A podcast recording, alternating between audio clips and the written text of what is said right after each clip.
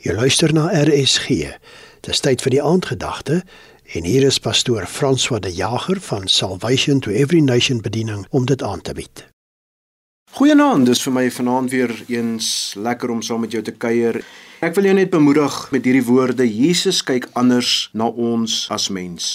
Jy sien baie mense sal daarvan hou om so Sean Connery te lewe. Hy is die spreekwoordelike tall and handsome akteur gewees. Hy het 6 James Bond rolprente gespeel, hy het die wêreld rond getoer om rolprente te maak en hy het miljoene dollars gemaak as 'n akteur en 'n vervaardiger.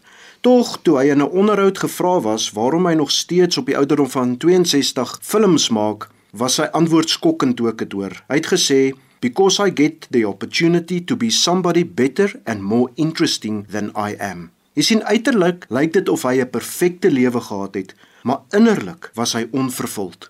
Nou die Bybel sê vir ons in Lukas 5 was daar vier mans wat 'n verlamde vriend op 'n draagbaar na Jesus toe gebring het om hom te genees. Hulle het hom deur die dak afgesak en reg voor Jesus neergesak. En toe die verlamde man uiteindelik voor Jesus kom, toe doen Jesus dadelik iets wat hulle nie gedink het hy gaan doen nie. Hulle het hom gebring vir genesing, maar Jesus doen iets anders.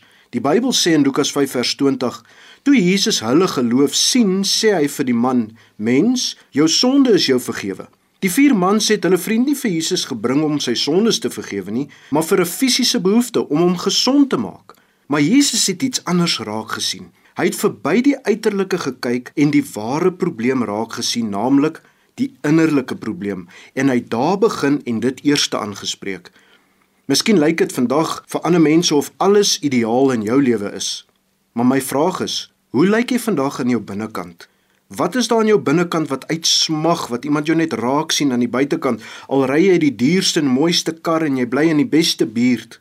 Wat sê mense van jou as hulle na jou kyk? Alles lyk so perfek maar jy sien Jesus kyk anders na jou. Of miskien is daar iets in jou lewe wat nie wil uitwerk nie. Kyk jy nie miskien soos hierdie vier mans net in die een kant van die situasie nie, maar Jesus kom en hy kyk anders na my en jou. Hy kyk eerstens na hoe ons in die binnekant lyk. Die Bybel is so duidelik in 1 Samuel 16 vers 7 en ek wil hê jy moet mooi na hierdie woorde luister. Hy sê die Here kyk nie na dieselfde dinge as die mens nie. Die mens kyk na die uiterlike, maar die Here na die innerlike. Voel dit miskien of jy iets kort kom, al lyk dit of alles om jou in plek is.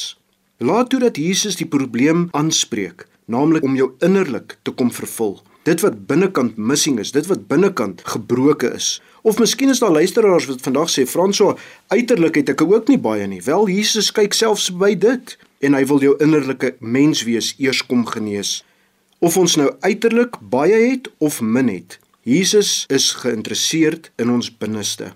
Begeer jy vandag innerlike vervulling? Vra Jesus om te kom doen wat hy vir hierdie man kom doen het wat voor hom neergebring was deur sy vier vriende.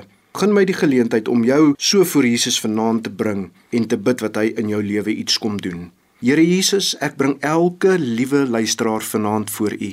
En net soos hierdie vier mans hulle vier vriende voor U kom neerlê het, het U verby die fisiese probleem eers gekyk en U het sy innerlike mens raak gesien. Vader, kom doen iets bonatuurlik in elke persoon wat nou luister. Elke probleem, elke bekommernis, elke uitroep. Kom raak dit aan en bring oplossing, vergifnis en innerlike genesing en ons dankie daarvoor in Jesus naam. Amen. Dit was pastoor François de Jager van Salvation to Every Nation bediening met die aandgedagte hier op RSG.